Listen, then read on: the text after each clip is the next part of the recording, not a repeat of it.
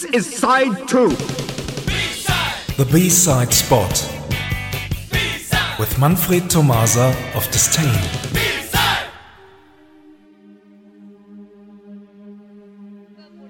Good evening, everyone. Tonight we do not present the A, but the B side in one go. Oren, are you ready? Of course. The year, 1991. the band, Vince Clarke and Andy Bell, Erasure. The A side, Am I right? the B side, Let It Flow. And, by the way, Erasure announced to release their new album, The Neon, on August 21st. and now the B side in one go. Thanks for listening and see you somewhere in time. Thank you very much, Manfred. Bye bye. Bye bye.